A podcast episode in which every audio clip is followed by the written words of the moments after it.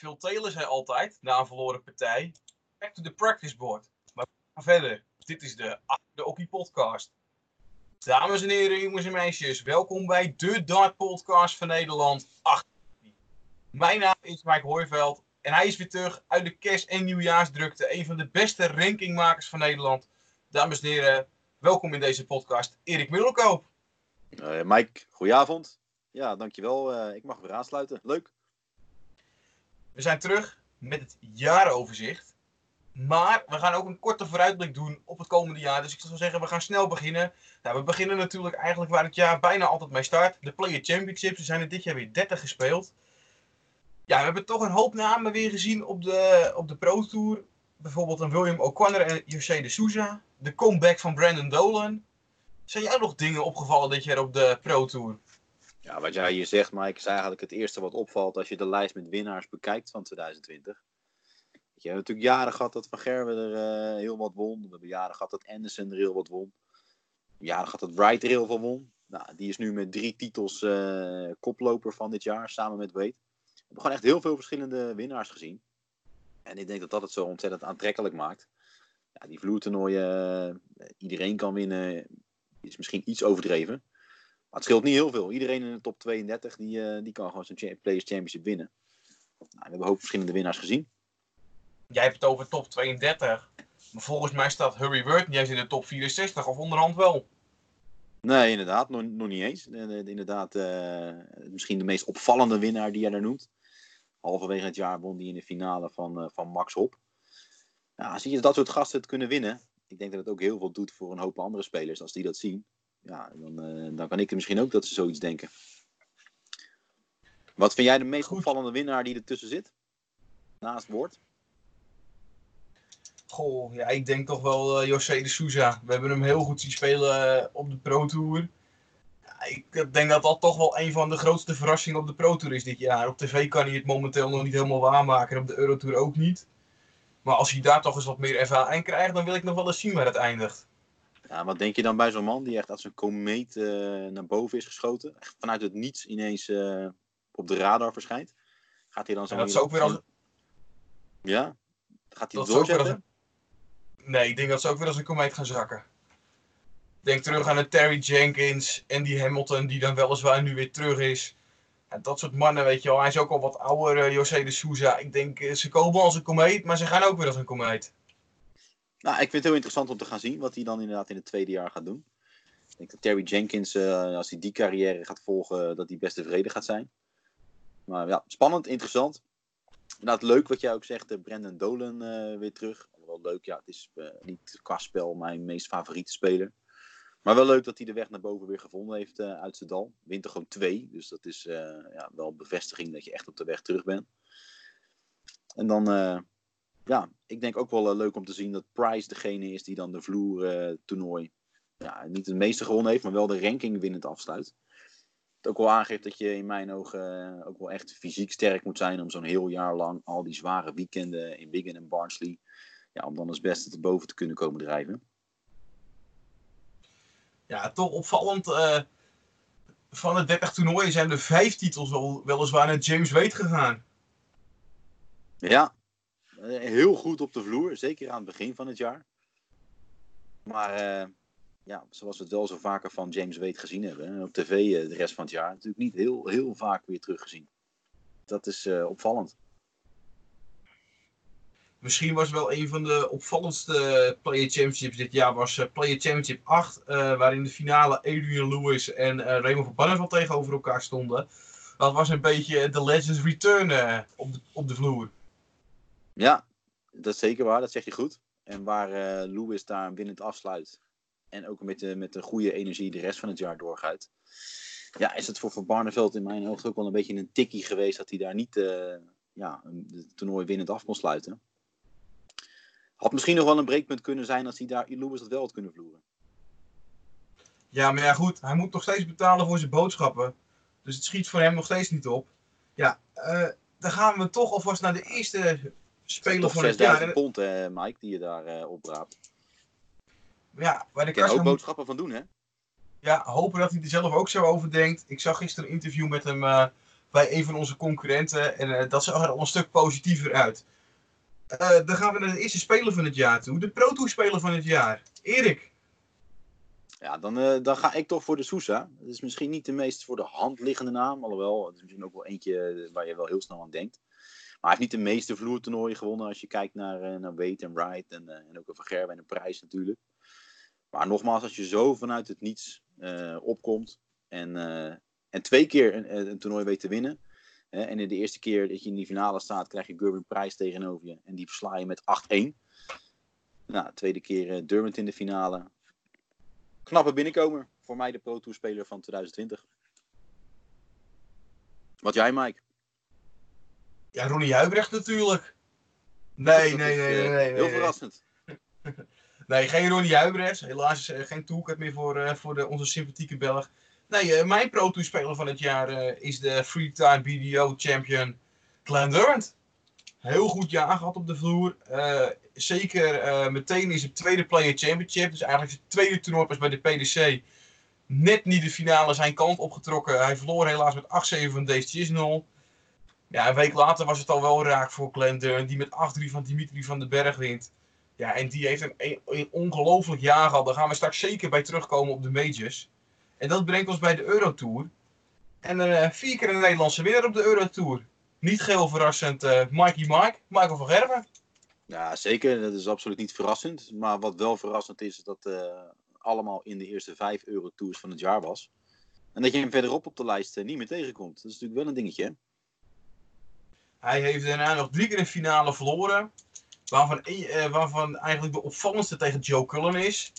Uh, Joe Cullen heeft denk ik dit jaar één goed weekend gehad. En dat was in, uh, op de European Darts Matchplay. En dat weekend was hij echt dodelijk voor iedereen. Ja, ja, steengoed. Waar het vandaan komt, ik weet het niet. Waar het gebleven is, weet ik ook niet. Maar dat weekend nou, kon hij gewoon niet missen. Kon hij ook gewoon niet verliezen. Dus ja, dat Van Germen dan daar in die finale er een keer afgaat dat, dat, dat kan nog. Maar hij is natuurlijk wel in mijn ogen een beetje zijn onoverwinnelijke uitstraling op die Eurotour kwijt. Hij heeft natuurlijk meer dan 30 van die toernooien gewonnen. Is echt de koning eh, van de Eurotour. Had op een gegeven moment ook echt zo'n rijtje van uh, last leg deciders die hij niet verloren had. Ik weet niet meer hoeveel het er waren, maar had er echt uh, meer dan 20 achter elkaar gewonnen. Het is sowieso sinds de oprichting van de Eurotour nooit eerder voorgekomen dat Van Gerwen niet of, of langer droog staat dan vier Eurotours tegelijk.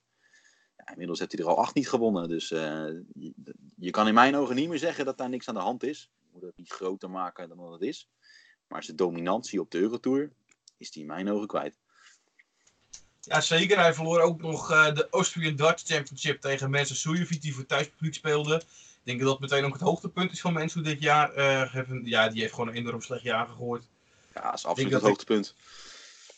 Van Sujovic hebben we natuurlijk weinig gezien is inderdaad ook wel weer uh, opvallend dat, dat Van Gerben ook in zo'n wedstrijd tegen zo'n tegenstander dan ook niet naar zich toe weet te trekken in zo'n finale, wat dicht bij elkaar ligt. Oké, okay, je fiets thuispubliek mee, maar het is niet eens Van Gerben om zulke wedstrijden niet winnend af te sluiten. En dat hebben we dit jaar uh, toch best wel weer een paar keer gezien. Misschien is wel het meest opvallende verlies van Van Gerben de Dutch Darts Masters. 8-7, Ian White. Ja, voor eigen publiek. Uh, Ian White heeft er wel een handje van uh, om af en toe een beetje te verstieren. Hier in Nederland. Maar ook daar, uh, dat, dat was volgens mij de eerste keer dat hij uh, met zo'n last leg decider dan, dan verloor. En juist wat, waar Van het dan een beetje begon te verliezen, was het voor Ian White een bevestiging dat hij goed bezig was. Want week daarvoor had hij natuurlijk ook al gewonnen. Terwijl hij daarvoor juist twee keer een finale had verloren van Van. Nou, toen won hij daarna eerst van Peter Wright de European Darts Grand Prix. Een week later dan de Dutch Darts Masters in Nederland. De finale tegen Van Gerben. Ja, we hebben natuurlijk wel gezegd dat Ian White geen uh, Eurotours of niks op tv kon winnen. Maar dat is in 2020 anders gelopen. Hij heeft wel zekerlijk bewezen dat hij dat kan. Alleen nog niet goed genoeg in mijn ogen. Ik denk dat Ian White nog veel beter kan op tv. Maar ik denk dat we het nooit gaan zien. Ik, uh, ik heb hem op de Championship Finals gezien, waar we later ook nog op terugkomen. Het kost zoveel moeite, zoveel kracht. Zelfs op de World Series of Dutch Finals lukt het niet. Ja, dan moet je toch wel eens een keer bij jezelf te raden gaan hoe dat kan. Maar goed, dan gaan we naar de Euro Tour Speler van het jaar. Ja, Erik, uh, aan jou om af te trappen. Nou ja, daar ga ik dan dus wel voor Ian White. Juist omdat uh, ja, hij gewoon de meest constante speler op de hele Eurotour geweest is in mijn ogen. En ook dat hij degene is die Van daar ontroond heeft. En in mijn ogen een klein beetje het stokje heeft overgenomen daarin.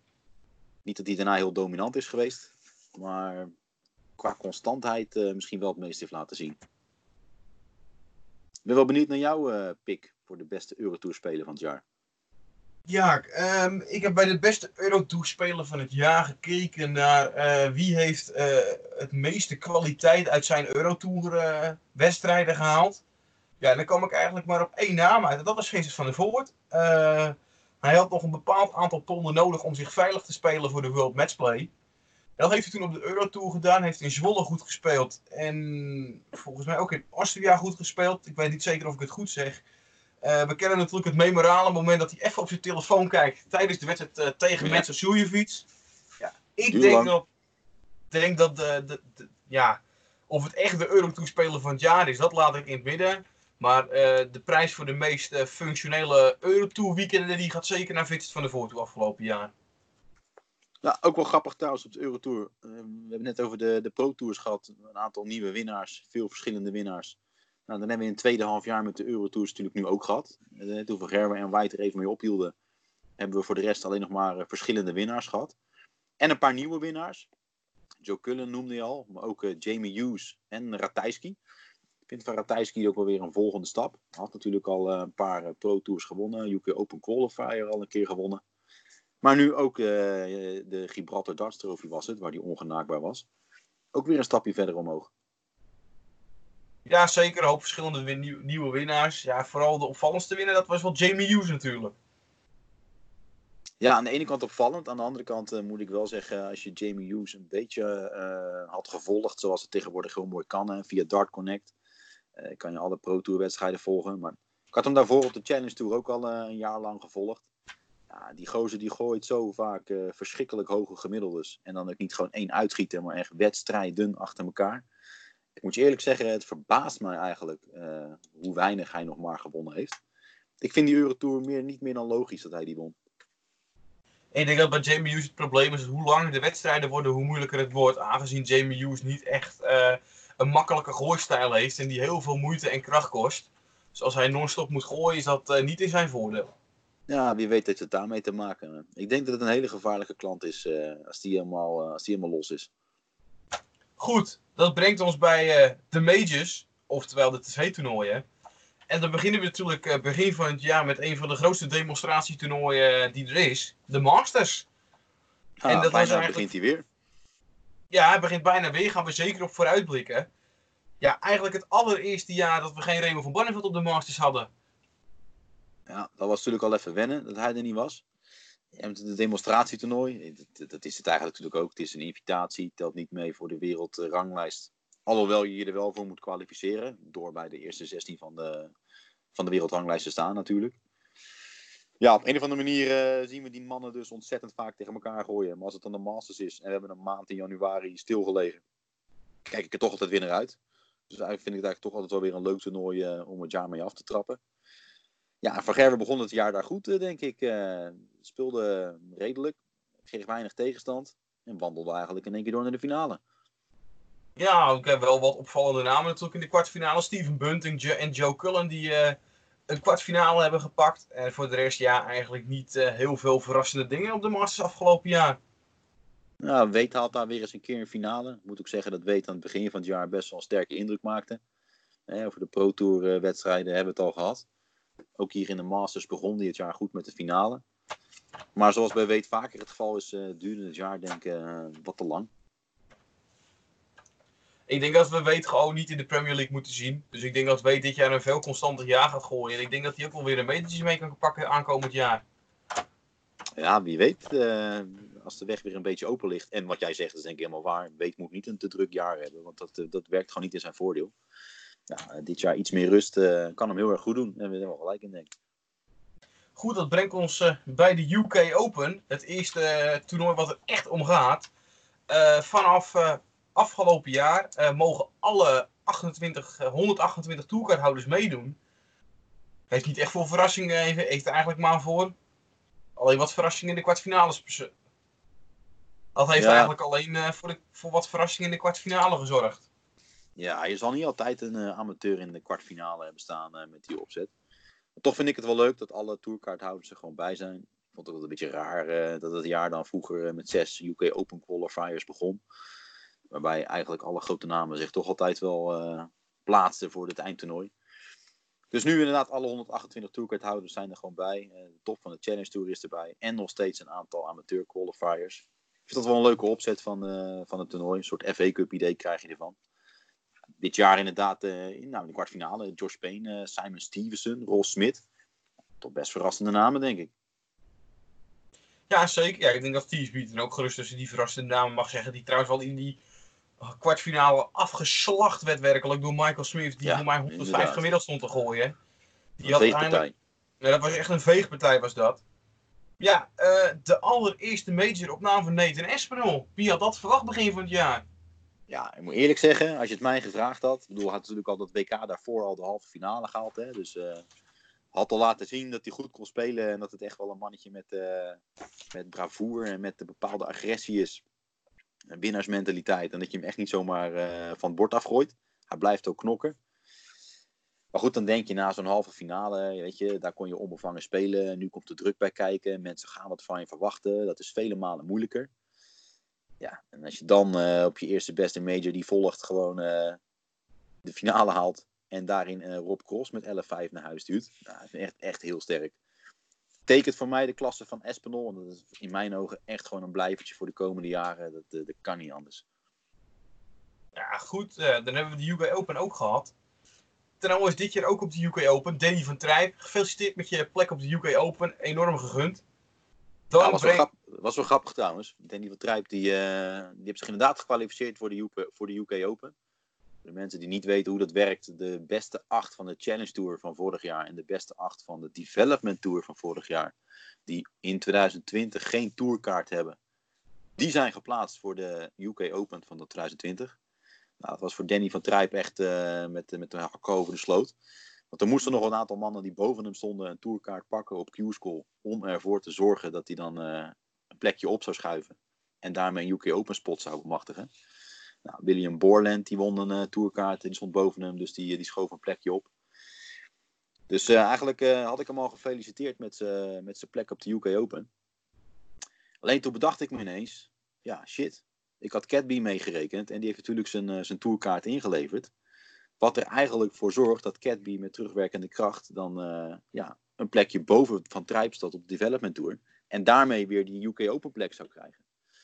Dus ik eh, durfde het bijna niet tegen hem te zeggen. Ik denk, oh shit Danny, volgens mij hebben we een foutje gemaakt en eh, ben je toch niet geplaatst. Maar gelukkig had hij al net de bevestiging vanuit de PDC gehad eh, dat Catby niet geplaatst was omdat hij niet mee had gedaan aan Q-School. En dat was ook nog eens een keer een voorwaarde. Dus inderdaad, van Trijp gelukkig naar de UK Open. Ja, dat is mooi. Dat brengt ons eh, ja, bij, denk ik wel, het aller, allergrootste demonstratietoernooi wat we hebben in de dartswereld. De Premier League. Ja, met een hoop nieuwe contenders, eh, Mike. Vind je ervan, al die namen? Ja, een hoop contenders. Eh, ik vond het leuk. Zeker John Henderson was een blijvertje. Die gaan we dit jaar ook weer terugzien. Ja, we gaan natuurlijk ook een beetje vooruitblikken. Ik denk dat, we van dat, dat de hype met Fallon Sherrock wordt wel een beetje iets te groot gemaakt. Ja, nou ja, dat als eh, de challenger moeten we natuurlijk zeggen. Ik zeg het fout. De challenger erop staat voor dit jaar, eh, dat begrijp ik wel. Dat vind ik normaal. Maar om nou ook gelijk alle World Series eh, te mogen gooien, dat vind ik wel een hele grote stap. Maar ja, Nou ja. is en blijft de PDC. commercieel en promotiebelangen vieren vaak toch net even wat meer de boventoon dan sportief belang. Dus nou ja, we kijken er ook weer niet heel erg van op. Als we het dan toch over Sherrock en demo toernooien hebben, weet ik de, eh, uit betrouwbare bron dat eh Remo van Banneveld haar eh, afgelopen weekend op de Kings of Darts heeft afgeslacht met 102 gemiddeld en 5-0. Dus de succes op de World Series, World Series eh, namens de Achter de podcast. Dat brengt ons eh, nu echt bij de Premier League. Ja, wat een apotheose in Rotterdam. Wat een anticlimax vooral. Ja, jij doet op het interview van Van Barneveld. Nou, ik doe meer op de twee wedstrijden van Van Barneveld. Ja. Dat afscheid had ik natuurlijk allemaal eh, heel erg anders gegund. eh, ik denk het hele Nederlands dartpubliek. En, en allemaal nog niet eens zozeer voor een mooie swingende avond in Ahoy. eh, waar we allemaal juichend op de banken staan. Omdat Van Barneveld daar nog een keertje wint. Maar ik denk gewoon echt dat we allemaal begaan zijn met zijn lot. En dat we allemaal gewoon ja, denken te weten wat hij gaat voelen als hij zo afgaat. En dat daarna ook nog eens een keertje bevestigt. Nou, die, die, die pijn die gaat bij elke Nederlandse dartliefhebber door merg en been, denk ik. Ik, ik heb nog nooit zoveel pijn gehad naar een avond dat te kijken. De, dag 1 was ik er zelf bij, was echt een anticlimax. Dan hoop je nog, hè, hij laat zich altijd op tegen Nederlanders. Ik refereer aan de World Series of Darts 2018.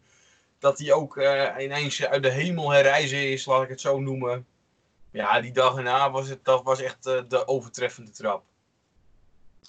Tenen krommend, plaatsvervangende de schaamte. Niet dat hij zich moet schamen, maar je weet dat hij het zo voelt. Ja, dat, eh, het, was, het, het deed echt pijn om, eh, om naar te kijken, voor mij in ieder geval. Nou ja, eh, hoe René van der Gijp eh, heeft het heel mooi omschreven bij eh, VI.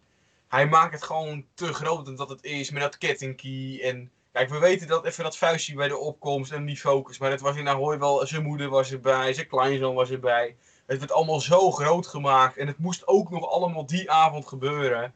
Ja, ik denk dat dat er gewoon net even te veel aan was. Ja, dat heb je natuurlijk altijd. Als je alles helemaal, eh, helemaal op het scherp zet, eh, dan, dan kan het bijna alleen maar tegenvallen. Ja, af, alles moet precies zo vallen zoals je het van tevoren droomt. Ja, je weet natuurlijk allemaal hoe klein die kans dat het gebeurt.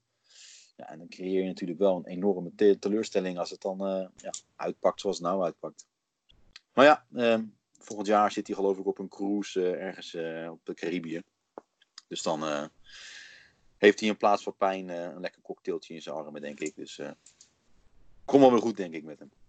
Ja, goed. eh, Michael van Gerwen won afgelopen jaar de Premier League met 11-5. En dat brengt ons ja, eigenlijk weer een demo-toernooi. Hebben ze eigenlijk wel echt een toernooi bij de PDC? Ja, die zijn er ook. Die zijn er ook. Goed, dat brengt ons bij de World Cup of Darts. Ja, eh, het, het is inderdaad het laatste jaar van Van Barneveld. Maar het was niet het laatste World Cup jaar van Van Barneveld. Want je mee wat hij mee naar mocht spelen met Michael van Gerwen. Ja, nou ja eh, verdiend. eh, bedoel, als je gewoon kijkt naar de ranglijst en de twee beste Nederlanders, die ga je opgeven als, als Nederland zijnde. Ja, dan was het wat hij meena dit jaar in plaats van, van Barneveld. Het gaat nog spannend worden voor dit jaar trouwens. Of het wat hij meena of de zwaar gaat worden. Maar dat wordt dus waar. Ja, kan, maar het ligt dicht bij elkaar. Kijk, kijk, we gaan er natuurlijk gewoon vanuit dat Jeffrey de Zwaan de halve finale met de UK Open haalt. En dan praten we nergens meer over. Ja, Overal- kan. Ja als, als wat hij meena in de anderhalve finale staat, dan eh, schiet nog niet veel op. Ja, goed, dan blijft de Zwaan hem iets voorstaan volgens mij. Goed, dat brengt ons eh, bij de andere halve finale, de halve finale van de World Cup of Darts. Waar de Nederlanders het toch afgingen tegen eh, Ierland. Ja, ja, het was toch niet zo'n eh, zo'n ingespeeld team als dat van Barneveld of van Gerber waren. Dus ik vond Nederland wel een beetje minder dan de afgelopen jaren. Het koppel van Gerber, wat die meena. Ik ben niet helemaal gelukkig met de chemie die ik af en toe tussen beide spelers zag eh, op het podium. En dat zag je juist bij O'Connor en, eh, en Lennon wel. Ja, die, die, die hadden alles om, om voor te gaan natuurlijk ook. En, nou, speelde gewoon een fantastische halve finale. Verdiende winnaar tegen Nederland. Speelde sowieso een mooi toernooi. Alleen in de finale was het een beetje op. Dat was jammer. Ja, helaas was het op. Eh, Schotland wint uiteindelijk.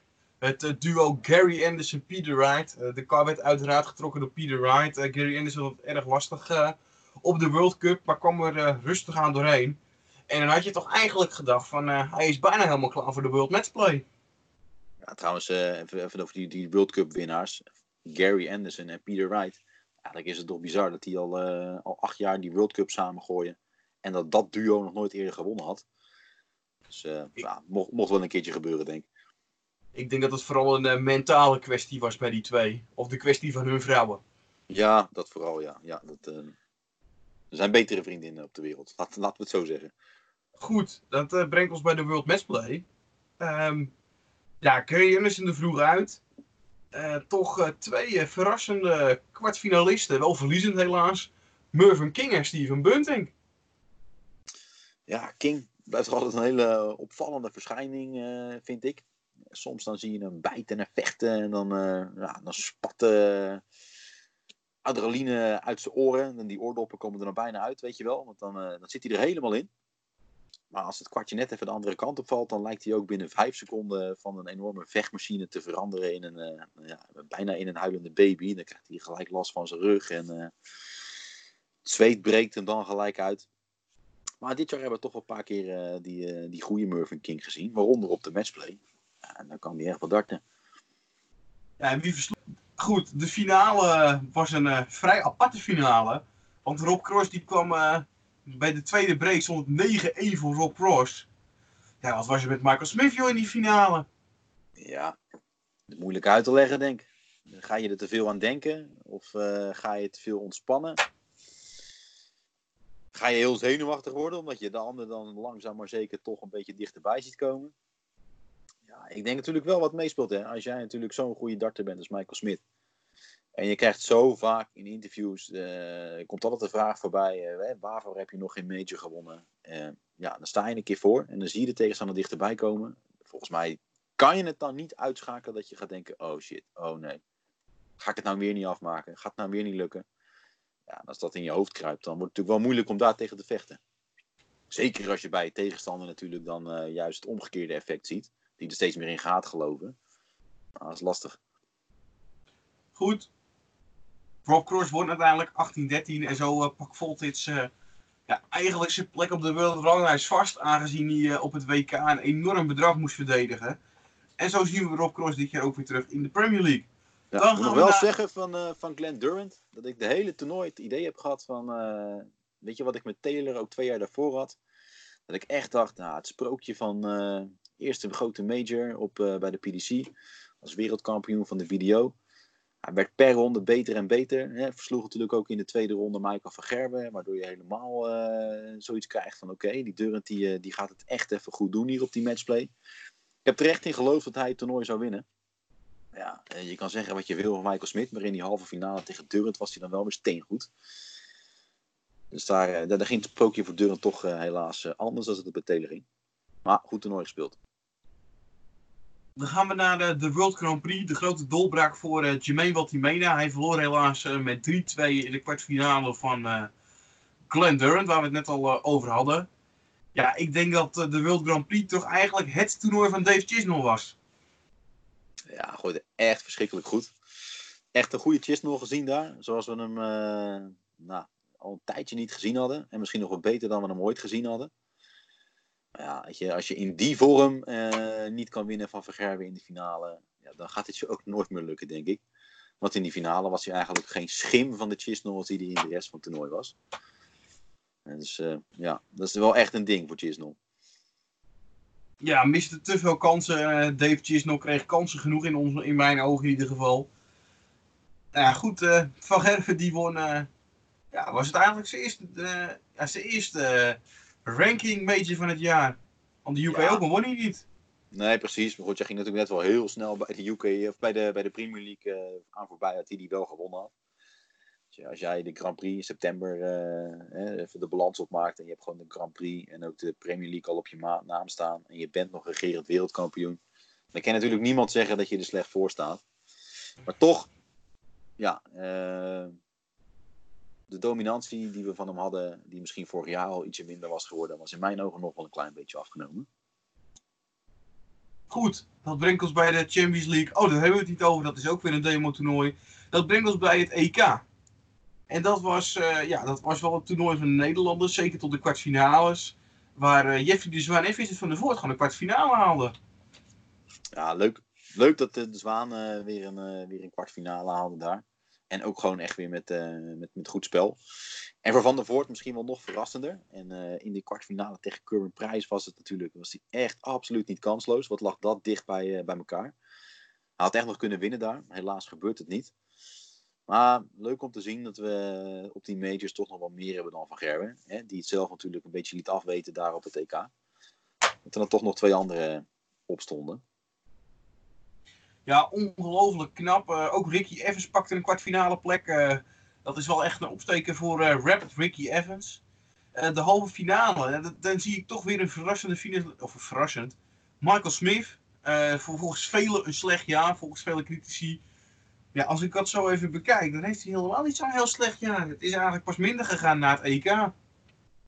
Ja, maar goed, dat is eigenlijk precies wat, wat ik net zei. Weet je, als hij halve finales haalt, dan, dan heb je het er niet meer over. Want van een speler van zijn kaliber verwacht je dat. Dus als hij er dan staat, dan valt het niet op. Maar ja, als je het eind van het, laatste, het, eind van het jaar uh, het lijstje winnaars bekijkt en je ziet hem er dan niet tussen, dan is het wel weer een dingetje. En dat is gewoon een beetje het probleem van Michael Smit op dit moment. Hij is verschrikkelijk goed. Hij hoort bij de drie, vier, vijf beste spelers van de wereld. Alleen in vergelijking met die andere namen heeft hij gewoon veel te weinig gewonnen.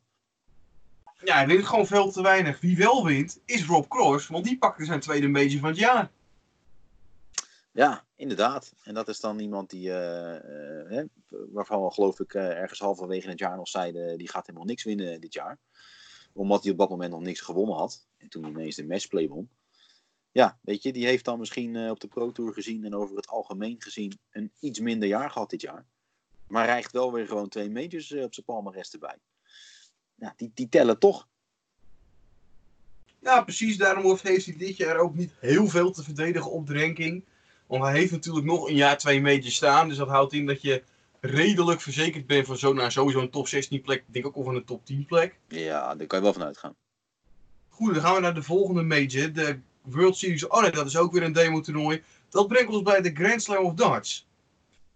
Dat is toch wel een groot toernooi van een week. Ja, die, die mag je gerust benoemen. Ja, die mogen we gerust benoemen. Uh, ja, laat ik beginnen bij de laatste kwartfinale. Michael van Gerber tegen Jackpot, Adrian Lewis. Is dit de terugkeer van Adrian Lewis? Ja, helemaal terug, misschien nog niet. Ik bedoel, eh, de jaren dat hij wereldkampioen was, was hij uh, echt nog wel echt een tandje beter. Maar zijn dipje heeft hij wel achter zich gelaten hoor. En dat vind ik toch knap van iemand die het predicaat uh, lui en kan er niet voor werken. En moet het te veel op zijn talent hebben, maar er iets voor doen, dat vindt hij vaak moeilijk. Nou, ik vind toch dat hij wat anders laat zien. Hij laat echt wel zien dat hij er nog voor wil gaan. En het oogt misschien soms een beetje hè, ongemakkelijk of niet vanzelf. Maar ja, een beetje spirit zien we af en toe bij hem terugkomen. En de resultaten komen er ook achteraan. Nou, laten we hopen dat hij verder terugkomt. Ja, ik hoop ook zeker dat hij terugkomt. ja, de Grand Slam of Dutch, ja, veel te benoemen niet. Ja, het enige hoogtepuntje daar is dat Gavin Price Michael van Gerwen versloeg in eigenlijk, ja, het was de halve finale. Ja, eigenlijk was het natuurlijk gewoon de finale van het toernooi. Ja, het is al een tijdje inderdaad dat Van Gerwen en Prijs wel de, de, twee beste darters van het moment uh, leken te gaan worden. En dat waren ze het ook wel. En ik moet je eerlijk zeggen dat ik vanuit Nederlands oogpunt best blij was dat Prijs daar Van Gerwen klopte. Want je zat toch met z'n allen een beetje tegenaan te hikken tegen het moment dat Price van Germen een keer zou pakken. Hè? Want dat had hij natuurlijk al een heel aantal wedstrijden niet gedaan. En dan, uh, dan weet je, vroeg of laat gaat het moment uh, komen. En dan hoop je maar, ja, als het maar niet straks op het WK gebeurt. Weet je wel, dat daar dan de eerste keer gaat zijn en dat Prijs van Gerwen pakt. Dus ik was eigenlijk wel blij dat het dan bij de Grand Slam al gebeurde. Nou, helaas kwam de finale op het WK er dan niet van. Maar helemaal verrassend vond ik het niet. Uh, Prijs ja, echt wel uh, de man van het moment. En wat je dan, wat jij zegt wel inderdaad, dat is dan misschien een beetje de finale geweest. Vaak zie je dan de speler die dan zo'n halve finale wint, die al zo beladen is, dan juist in de finale niet meer goed voor de dag komt. Nou, dat was bij Prijs ook wel anders. Die, die pakte hem gewoon goed. 16-6 tegen Peter Wright. En ze, Grand Slam titel prolongeren. Back-to-back -back, Grand Slam champion.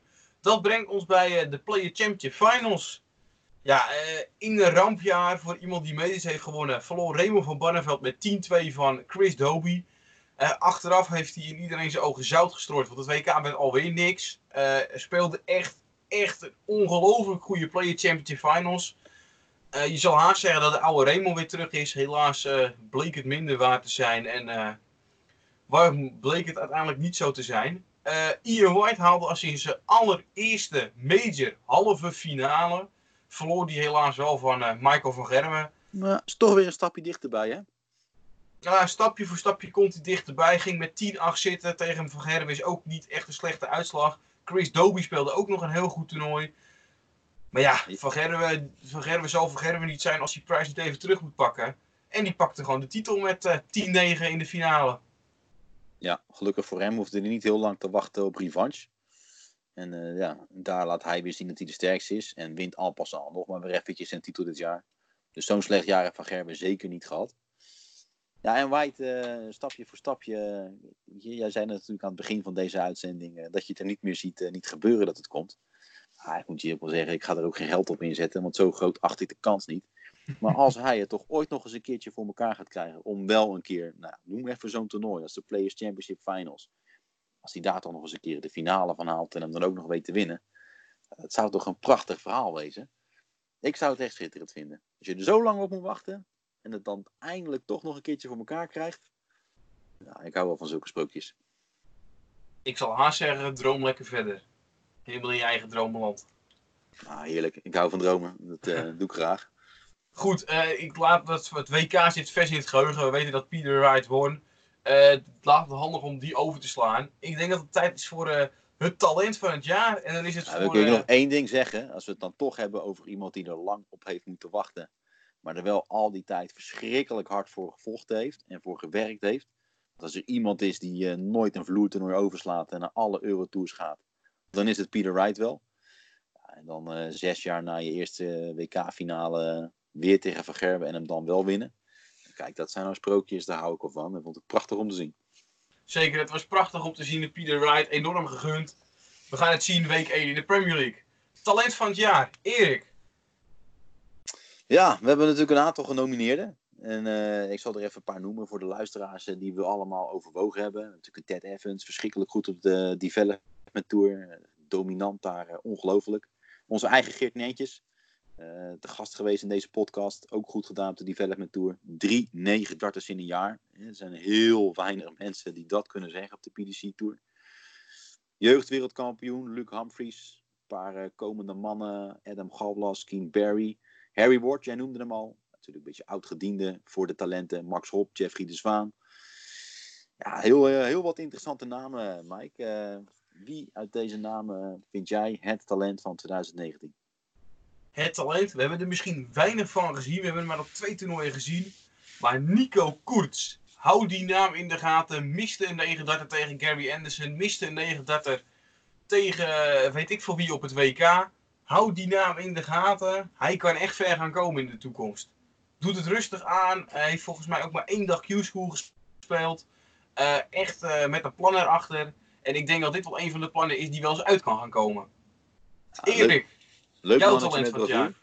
Ja, ik kies toch voor eh Keen Barry, de jonge Ier. Is nog wel ietsje jonger, dus staat misschien ook wel ietsje eh, verder terug nog in zijn carrière. Maar als jij in één, één jaar de JDC-wereldkampioen bent, de BDO-wereldkampioen bent, hè, en dan in de finale winnen van Leet en Bennett, waarover iedereen maar eh, blijft schreeuwen, en terecht, want een groot talent is het. En ook nog eens een keer bij de PDC in de halve finale van het jeugd-WK komt. Ja, dan daar helaas net niet de finale. Maar bijna 3 uit 3. Ja, dan ben jij voor mij talent van 2019. ben ik het ook wel zeker mee eens. Ik denk dat we van deze twee namen nog heel veel gaan horen. Ja, ik denk dat we bij eh, opkomende speler van het jaar. Ik zal even een paar namen noemen: de Souza, Clemens, Labanauskas, Word, McGeenie, Rasma, Winehead. Ja, er is er eigenlijk maar één. En dat is Glenn Durant natuurlijk. Of hij opkomend is, durf ik niet echt te zeggen. Maar als je zo binnenkomt in je eerste jaar bij de PDC, weet je af hoor. Premier League zeker. plek.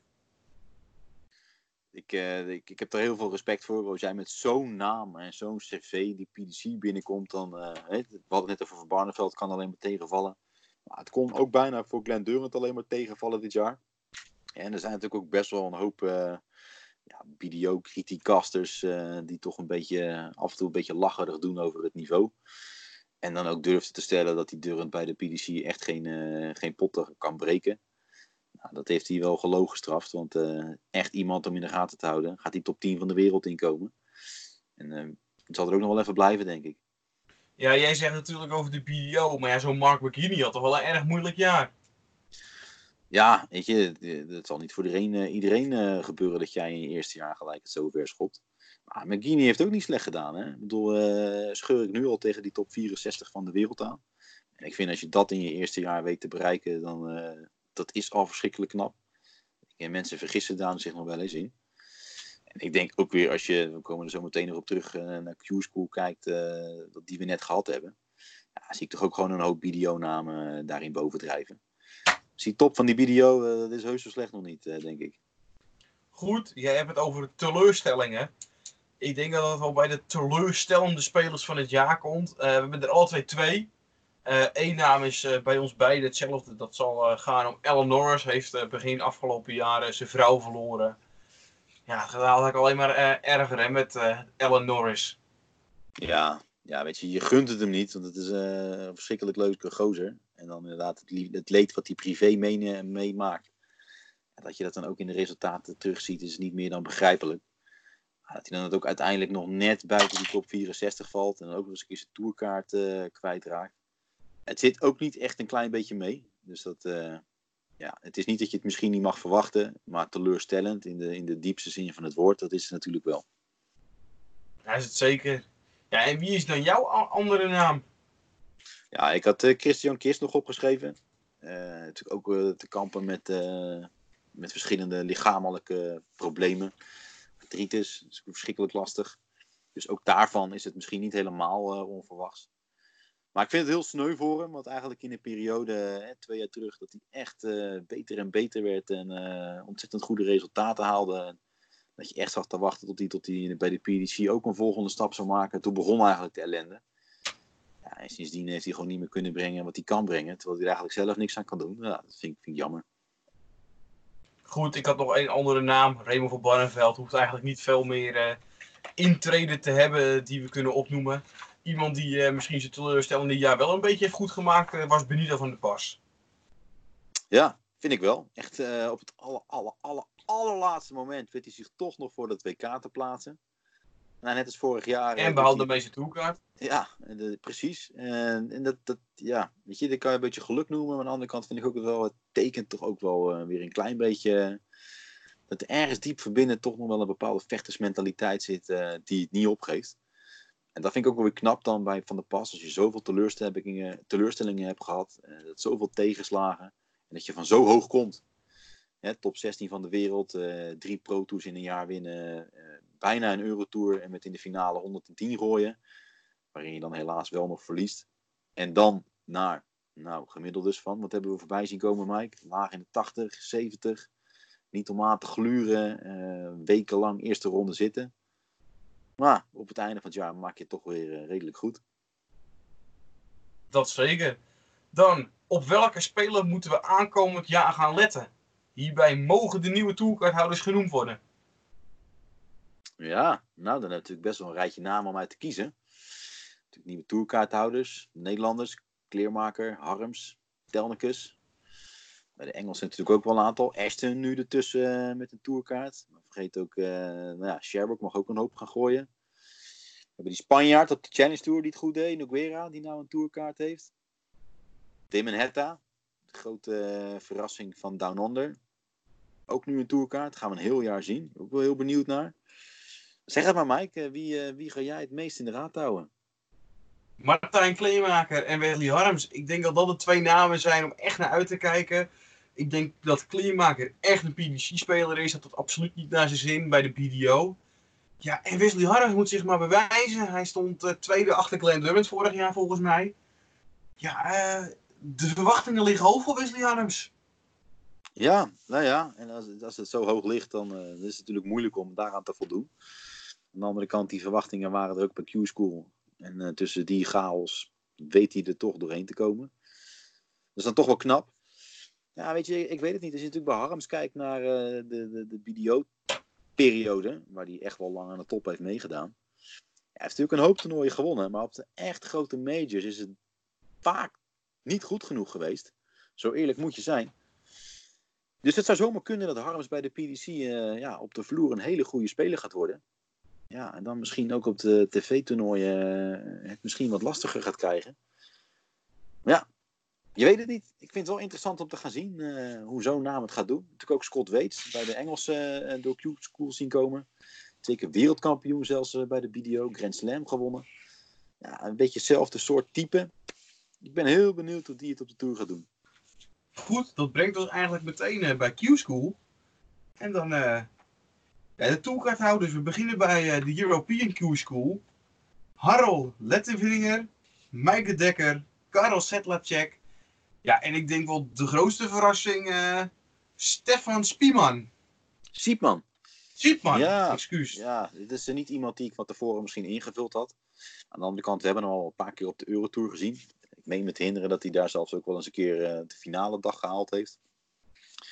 Dus eh, ja, kan, kan ook wel wat. Maar ja, ik verwacht niet dat hij over twee jaar zijn tourkaart ook weet te behouden. Maar goed, dat kun je eigenlijk eh, natuurlijk niet zo gek veel over zeggen aan het begin. Voor hetzelfde geld gaat hij. eh, ja, dit, het is natuurlijk ook verschil is. Er zitten best wel spelers tussen die niet gewend zijn om eh, dag in dag uit te trainen. elk weekend op topniveau wedstrijden te hebben. Ja, als jij één keer je tourkaart haalt, ga je het natuurlijk allemaal wel krijgen. Dat kan natuurlijk je eigen niveau omhoog gaan helpen. Dus het is altijd een beetje Ja, lastig om daar vooraf wat over te zeggen. Maar verrassend was het. Nou, verrassend was het zeker. Eh, op de Order of Merit, eh, zojuist besproken, Dirk van Duivenbode, Wesley Harms, Dirk Telmekes, Martijn Kleemaker. Verder haalde ook nog Daniel Lasson, Boris, Boris Kamhar en Christophe Knuk een tourkaart. Zie dan je. ga- Ja. Hey, maar- En- Maar eh, over die van Duivenbode. Weet jij nog wat hij vertelde toen we bij hem thuis waren een paar weken geleden over Q-School? ik citeer. Ik ga gewoon naar Q-School, gewoon even voor mijn tourkaart op te halen. Ja, weet je, dit, hij vertelde inderdaad daar dat hij eh, niet bang was voor Q-School. Dat hij dacht van, nou ik heb een hoop ervaring en eh, Q-School is een grote chaotische, nerveuze bedoeling. En eh, ik heb dat een paar keer eerder meegemaakt, ik heb dat een paar keer eerder gehaald. Nou, dat, eh, dat moet wel goed komen. Ja, dat is toch grote klasse als je het dan ook voor elkaar weet te krijgen. Dat vind ik echt, eh, vind ik echt heel knap. Echt complimenten naar vriend van de show, dames en heren, Dirk van Duivenbode. Dat brengt ons bij eh, de UK eh, Q-School. Ja, wat hebben we daar een, namen zien, zien komen en eigenlijk ook zien gaan. Ik, ga even, eh, ik begin even over de namen die, die gaan komen. Jeff Smith, Andy Hamilton, Alan Taburn, Damon Hetta, Lisa Aston natuurlijk. Ja, en Adam Hunt en voor de rest, Wayne Jones natuurlijk ook nog. En voor de rest allemaal wat, wat meer onbekende spelers. Ja, zeker. Maar ik moet wel zeggen, op dag 1 doet hij het gelijk. Jason Lowe is een speler al wat ouder. En waar we ook vorig jaar niet veel van gezien hebben. Volgens mij is zelfs helemaal niks. Volgens mij is hij een jaar tussenuit geweest of zo. Ik weet niet wat hij gedaan heeft.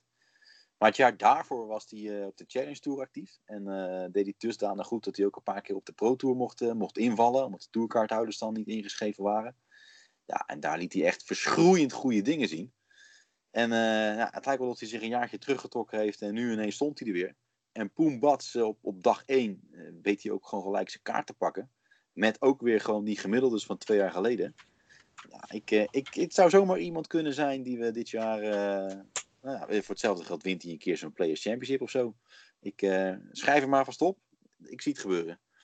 Heb jij Kai, Va- Kai van Lung al opgeschreven? Nee, want ik wil eerst nog maar van zo'n speler uit Hongkong, uit Azië zien of hij ook echt de Tour gaat gooien. Het is niet de eerste uit Hongkong die een tourkaart weet te bemachtigen. Roy dan Lam bijvoorbeeld, die we van de World Cup kennen, heeft hem ook wel eens gehad. Maar die heeft dan letterlijk in twee jaar tijd eh, nul eh vloertoernooien gegooid. Gewoon puur omdat het niet te doen is om van Azië naar, eh, naar Engeland te reizen. Ja, ik, ik heb geen idee wat hij nu gaat doen. Het zou leuk zijn als hij natuurlijk wel de Tour gaat gooien, maar eerst maar eens even zien. Is hij dan gehoven? Ja, ik, ik denk wel twee tegenvallende namen van de UK Q-School. Dat is Paul Nicholson en Sayo Asada. Ja, zo zijn er nog wel een aantal. Weet je, er hebben daar 500 mensen eh, staan gooien. En er kennen de 20 eh en met een tourkort weten te machtigen. En er zitten gewoon echt een hoop grote namen tussen die het niet gered hebben. En Asada was er dichtbij. Dag 3, de finale, eh, verliest hij hem dan net van, eh, van Jeff Smith. 5-4, heel spannend. Maar dat was eigenlijk ook de enige dag dat Asada het goed deed. Andere dagen lag hij er redelijk snel uit. Ja, niet goed genoeg voor een tourkaart. Goed, eh, stelling na eh, de twee Q-Schools besproken te hebben. Is Q-School één grote loterij? Ja of nee? Ja, nee, dat vind ik niet. Maar het is een beetje zoals de Tour de France, eh, weet je wel. In een slechte etappe, je kan hem niet winnen, maar je kan hem wel verliezen. Dat is ook een beetje bij Cruise School. Uiteindelijk zie je de namen die er doorheen komen, hier en daar een verrassing. Maar het grootste gedeelte zijn toch wel namen waarvan je denkt, ja, nee, dat kan. eh, dat, die, die, is niet helemaal onverwacht, of misschien wel eh, verwacht zelfs. Maar aan de andere kant, je kan hem wel verliezen. Je hebt ook altijd namen die het gewoon niet redden. En dan vind ik altijd het meest schrijnende de namen die bijvoorbeeld vorig jaar op de Challenge Tour het een jaar lang echt hartstikke goed gedaan hebben. En dan denk ik aan een Richie Edhouse of een Cameron Menzies. Gewoon echt altijd goed op de Challenge Tour. Altijd hoog eindigen. Maar net niet hoog genoeg om een tourkaart te halen. Dat is ook alleen maar voor de eerste twee plekken. Die keren dat ze mee mogen doen op de Pro Tour doen ze het ook nog hartstikke goed. Dus ze laten zien dat ze het niveau echt wel aankunnen. Eurotour mooie dingen laten zien. Maar ja, dan op Q-School. Weer net niet. Het, ja, die mannen zou je toch eigenlijk willen belonen door gewoon op de Challenge Tour iets meer plekken te vergeven. Dat zou het misschien iets eerlijker maken. Maar ja, aan de andere kant, het heeft ook wel charme toch zo. Uh, die vier knotsgekke dagen in januari. En ja, als je het dan goed doet, heb je gewoon een tourkaart. En het kan iedereen gebeuren. Als jij 450 pond lapt, dan uh, mag je meedoen. Dat zeker. Dan gaan we naar de, de afmeldingen voor de Play Championship Tour. De Challenge Tour. Daar is afgelopen weekend ook weer gespeeld. we hebben weer vier winnaars. Robert Collins, Scott Doggy Mitchell, Matthew Durant ja, en de Nederlander Jitse van der Wal, die het zondagavond later goed deed tegen zijn landgenoot Arjen Konterman. Ja, het was in Nederland al, al middernacht, geloof ik. Maar er natuurlijk ook 300, wat was het, 320, 325 spelers mee daar in, in Wiggen. Ja. Twee events op een dag. Ja, dat is natuurlijk eigenlijk ook bijna niet meer te doen. Maar een paar leuke namen inderdaad. Scott Mitchell we hadden het net al over grote namen die dan net de tourkaart niet halen. Nou, dit is er wel zo eentje. Dan moet je die challenge toe gaan gooien. Ja, en gewoon prompt, gewoon gelijk. Eerste dag, eentje winnen. Ook nu uh, nummer 1 op de Challenge Tour Order of Merit. Dus er hoeft maar één tourkaarthouder zich af te melden. En uh, Scott Mitchell gaat erbij zijn op de Pro Tour. Dat is wel leuk om te zien natuurlijk. Ja, en leuk, Nederlandse winnaar. Nederlandse finale zelf. Jitse van der Wal tegen Arjen Konterman. Ja, echt, echt super verrassend dat uh, Van der Wallen won. Uh, want die Konteman die stond echt ontzettend goed te gooien die hele dag. Schakelde de ene grote naam naar de andere grote naam uit. Harris uitgeschakeld, Mitchell uitgeschakeld. die Robert Collins die op dag 1 er eentje won uitgeschakeld. Scott Taylor uitgeschakeld. En allemaal met echt goede, goede wedstrijden. 170 finishes voorbij zien komen. Ja, in de finale moest hij heel lang wachten voordat hij mocht beginnen. En volgens mij wel drie kwartier tussen gezeten. Ik denk dat Van der Wal daar een beetje van geprofiteerd heeft. Maar leuk voor de jonge Vries. Dat zeker. Dat brengt ons dan bij de officiële vooruitblik. De Dutch Open uh, gaat aankomend weekend plaatsvinden. Hou alle social media van Dutch actueel in de gaten. En dan worden jullie uh, op, als beste op de, de, hoogte gehouden. Wat ook dit weekend gaat plaatsvinden zijn de Masters. Eén leuke pot eigenlijk meteen, de eerste wedstrijd. Michael Swift tegen mensen Soejevic. Ja, wat verwacht je ervan, Mike? Ja, ik ben benieuwd. Smit na het WK? Ja, nee, dat zeker. Ja, ik denk dat het één grote slagpartij wordt die de kant van Marco Smith op gaat vallen. Want wat ik van Soejovic heb gezien de laatste tijd is niet heel gerust, uh, geruststellend. Ja, maar denk je dat het voorkomt van Soejovic? Is het dan toch ook uh, te druk met de Premier League erbij voor hem? Ik denk dat uh, zijn familie mist. En wat hij ook al tegen ons heeft gezegd. every week pressure. Daar kan hij gewoon slecht tegen. Ik denk dat, het, ik denk dat. Sujovic zijn beste tijd heeft gehad. Hij speelde ook met ander materiaal op, uh, op het WK. Ik denk dat dat eigenlijk het, uh, ja, het, zijn is dat het fout gaat. Ja, ja daar zou je wel eens gelijk in kunnen hebben. Ten meer ook omdat er zat zijn die net buiten die top 16 zaten te, te, te, te drammen om erin te komen. Dus, nou, leuk om te zien hoe dat gaat dit jaar. Misschien uh, nog wel uh, twee verrassende namen die er ook nog bij zijn. Joe Cullen en Simon wisselvallig uit Whitlock. Ja, die, uh, ik weet niet of je het heel verrassend mag noemen. Want ik bedoel, ja, er staat hier gewoon een top 16 over de afgelopen twee jaar natuurlijk. Hè, Order of Merit. Whitlock heeft twee jaar terug echt nog wel een hoop geld binnengeharkt. Dus ja, daarvoor staat hij gewoon nog hoog. Cullen heeft een beetje minder jaar gehad, maar het jaar daarvoor ook echt wel goed gedaan. Dus die staan er gewoon nog net bij. Maar er staan ook wel twee van die namen. Dat ze dit jaar niet het prijzengeld van twee jaar terug uh, een beetje gaan verdedigen. En dan staan er gewoon mannen achter om, uh, om eroverheen te klappen. Een Glenn Durant, een Jeffrey de Zwaan, uh, een uh, Jermaine Matimena. En noem ze allemaal maar op. Vechten voor je plekje daar. Erik, één naam, de winnaar van de Masters.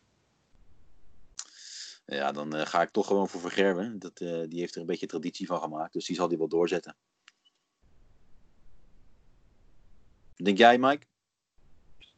Ik ga voor Michael Smith. Ik denk dat Michael Smith uh, goed uit, uh, uitgerust terugkomt van vakantie. En die gaat. Uh, het worden drie bijltjesdagen. Michael Smith.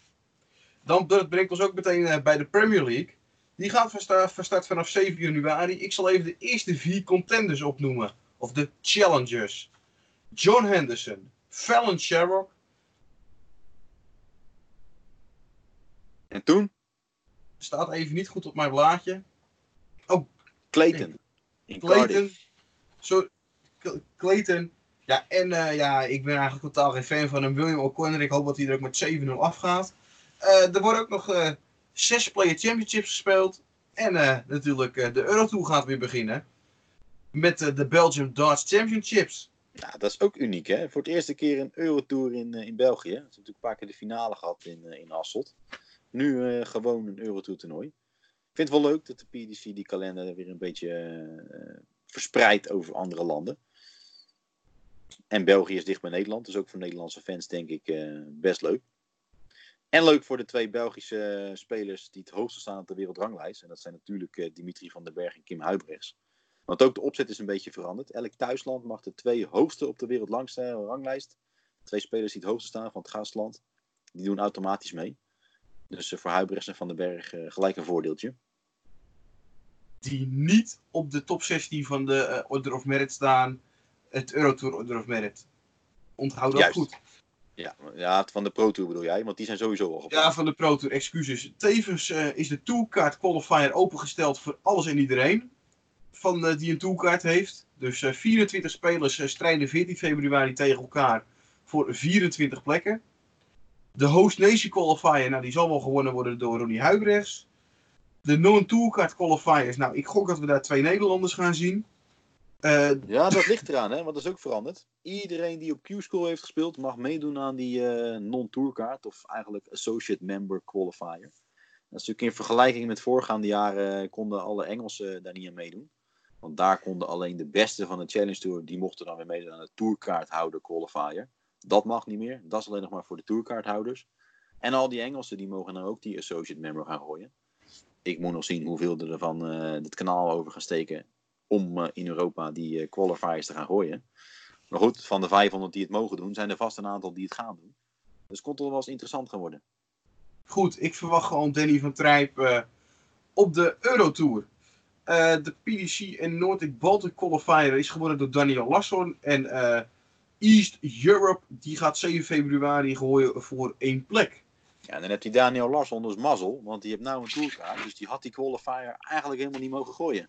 Maar ja, omdat hij al gegooid was voordat Q-School ooit begonnen was, heeft hij toch zijn plekje. Dan geeft maar weer aan hoe raar de kalender soms in elkaar zit. Maar hij heeft er een voordeeltje van. De kalender zit zeker raar in elkaar. En dat brengt ons eigenlijk eh, op het eind van deze podcast. Ik wil Erik eh, heel erg bedanken eh, voor deze podcast. Jij ook, En, eh, Mike? we zien jullie terug eh, de week voor de UK Open.